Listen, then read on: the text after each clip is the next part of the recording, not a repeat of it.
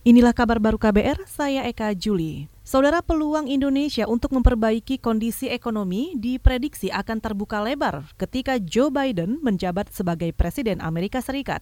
Ekonom dari Center of Reform of Economics atau CORE, Peter Abdullah menilai Biden akan mampu memperbaiki kondisi perekonomian global yang sempat memanas akibat perang dagang Amerika-China.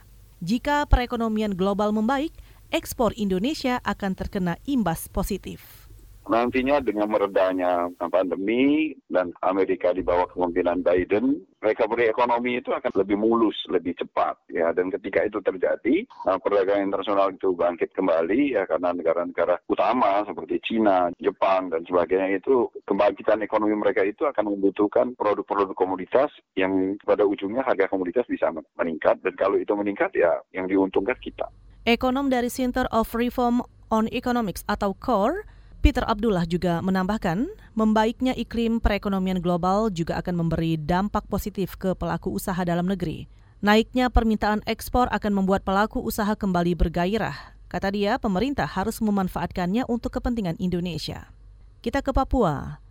Satuan Tugas atau Satgas Penanganan COVID-19 Kabupaten Merauke, Papua menyatakan terjadi lonjakan kasus baru corona dari klaster penerbangan – Juru bicara Satgas Penanganan COVID Merauke, Neville Muskita, dalam sepekan terakhir ditemukan penumpang pesawat udara yang tiba di Merauke positif COVID. Kini jumlah pasien kasus di daerah sebanyak 24 orang. Kasus baru kita adalah dari pelaku perjalanan, tentu kalau tidak ada pembatasan pembatasan pasti akan juga berdampak pada penurunan. Kemarin ketika lockdown tak terkunci betul, nggak ada iya. stop di angka 17 itu sekian bulan. Kan ketika kita buka akses begitu orang yang sudah lama terlockdown semua pada pulang, tiba-tiba pulang sekian ribu orang masuk tak gitu. Ya udah kita screening semua ini tiba-tiba ketemu banyak. Juru bicara Satgas Penanganan COVID-19 Merauke, Papua, Neville Muskita juga menambahkan, semua kasus pasien corona dari klaster penerbangan berstatus orang tanpa gejala atau OTG. Mereka tiba di Merauke dengan mengantongi surat bebas COVID-19. Namun ketika petugas kesehatan di Bandara Merauke melakukan pemeriksaan ulang, ditemukan ada di antaranya positif COVID. Kita ke Liga Spanyol. Tiga tendangan penalti dan satu gol bunuh diri membuat Real Madrid takluk 1-4 dari tuan rumah Valencia dini hari waktu Indonesia Barat.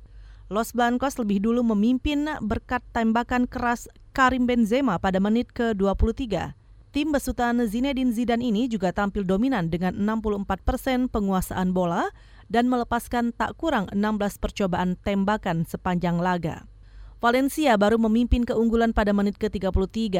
Pada babak kedua, tuan rumah memperbesar keunggulan menjadi 4-1 di menit 63.